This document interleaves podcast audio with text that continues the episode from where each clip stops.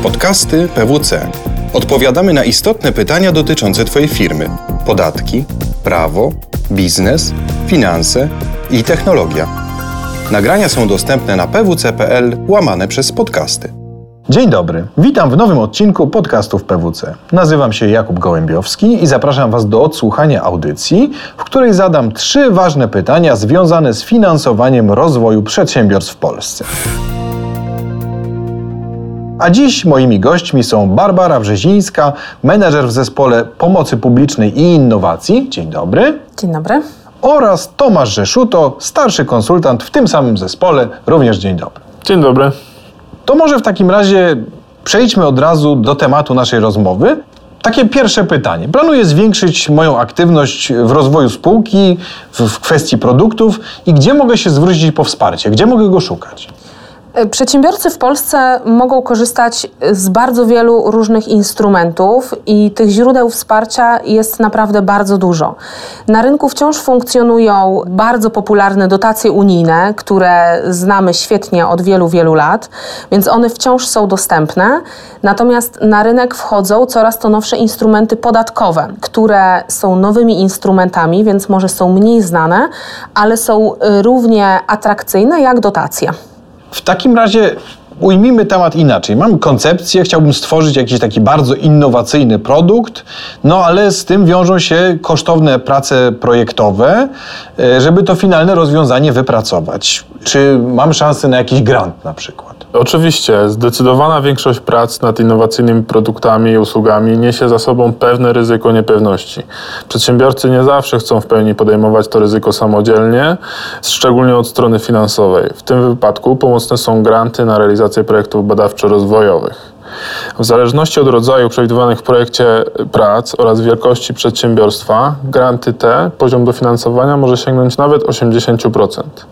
Fundusze dostępne są zarówno na poziomie krajowym, jak i regionalnym, organizowanym w województwach. W przypadku tych drugich, co do zasady, dotacje przyznawane są na realizację projektów o mniejszych wartościach. E, ja może dodam tutaj dosyć ważną informację dotyczącą rodzaju kosztów, jakie mogą być sfinansowane, e, bo w takim projekcie możemy sfinansować wynagrodzenia własnych pracowników, e, czy też to na umowę o pracę, na umowę zlecenie, różne te formy na rynku funkcjonują.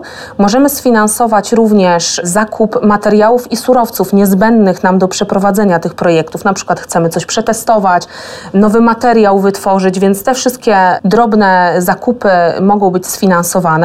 Również może wchodzić w to amortyzacja sprzętów czy jakichś środków trwałych, które y, wykorzystujemy do badań, y, a także jest wspierana współpraca z jednostkami naukowymi, czyli jeżeli chcemy się wesprzeć tutaj wiedzą, jakimś doświadczeniem Politechniki czy jakiejś uczelni, to jak najbardziej również możemy ich do takiego projektu zaangażować. Czy to dotyczy tylko uczelni, czy też instytutów, takich jak Instytuty Polskiej Akademii Nauk?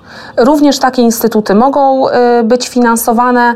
Y, ogólnie się to nazywa grupa jednostek naukowych i zgodnie tam z definicją ustawy o szkolnictwie wyższym jest cały katalog takich instytucji, które mogą być naszymi podwykonawcami w projekcie. Jasne. A teraz w takim razie przyjmijmy, że mam już pewne doświadczenie w realizacji projektów tego typu, no ale nie posiadam dostatecznej infrastruktury, która by mi pozwoliła robić to systematycznie i samodzielnie. I co w takim przypadku?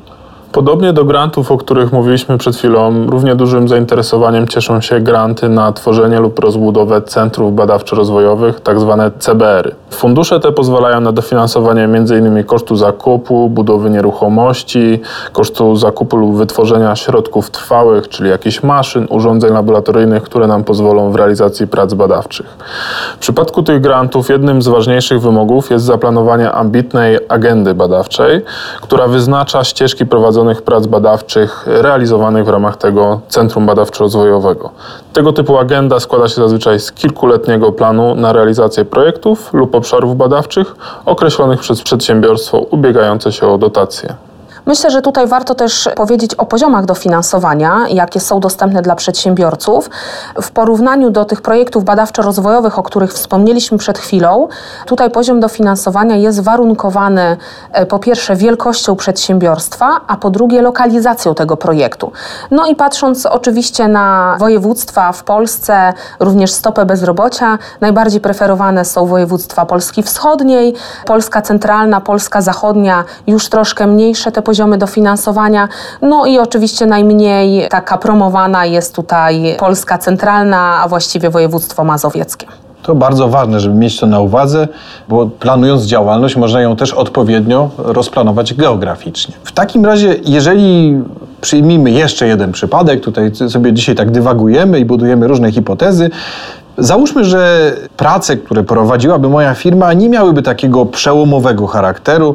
No, starałbym się tworzyć jakieś takie rozwiązania odpowiadające na potrzeby rynku, czy też zwiększające funkcjonalności albo e, charakterystykę polepszające obecnie wytwarzanych produktów. Czy w takiej sytuacji, czy te, przy takich założeniach też miałbym szansę dostać jakieś wsparcie?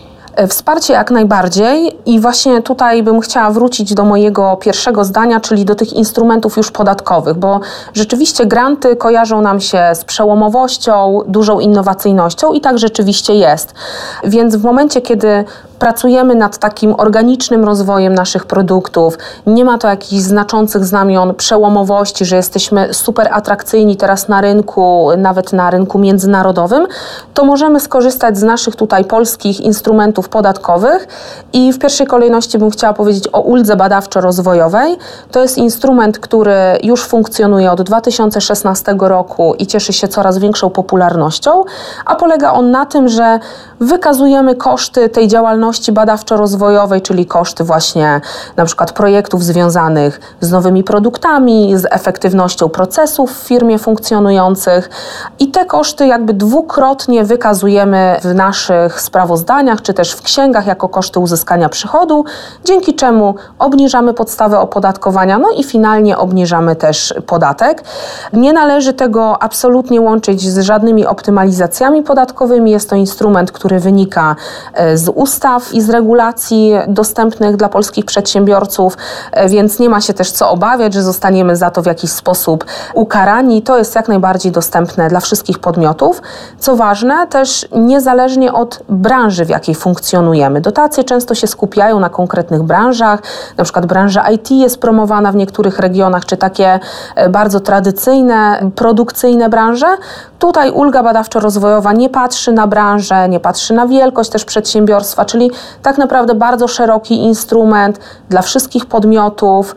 Liczy się tak naprawdę to, żeby tą działalność badawczo-rozwojową prowadzić w swojej działalności, no i umieć ją w jakiś sposób zidentyfikować, a także przypisać do niej koszty. Co ważne, ulga nie wyklucza też korzystania z dotacji, to znaczy korzystając z dotacji, część niepokrytą dofinansowaniem możemy sobie kwalifikować do ulgi badawczo-rozwojowej i to przysporzy się do kolejnych korzyści płynących dla przedsiębiorstwa. No i to jest bardzo dobra i cenna wiadomość dla przedsiębiorców. Tutaj też patrząc na przebieg naszej rozmowy, y, warto zaakcentować i podkreślić liczne możliwości uzyskania różnego rodzaju wsparcia, czy też różne możliwości uzyskania korzyści o charakterze podatkowym. Także zachęcamy przedsiębiorców, żeby się tą tematyką interesować. A tymczasem bardzo dziękuję za wysłuchanie tego odcinka, a Basi i Tomkowi za ciekawą rozmowę. Bardzo dziękujemy. Dziękujemy. Podobał Ci się odcinek? Podziel się z innymi oraz śledź nasze kanały. Więcej podcastów PWC znajdziesz na stronie pwc.pl ukośnik podcasty oraz w aplikacjach iTunes i Google Music. Do usłyszenia w kolejnym odcinku.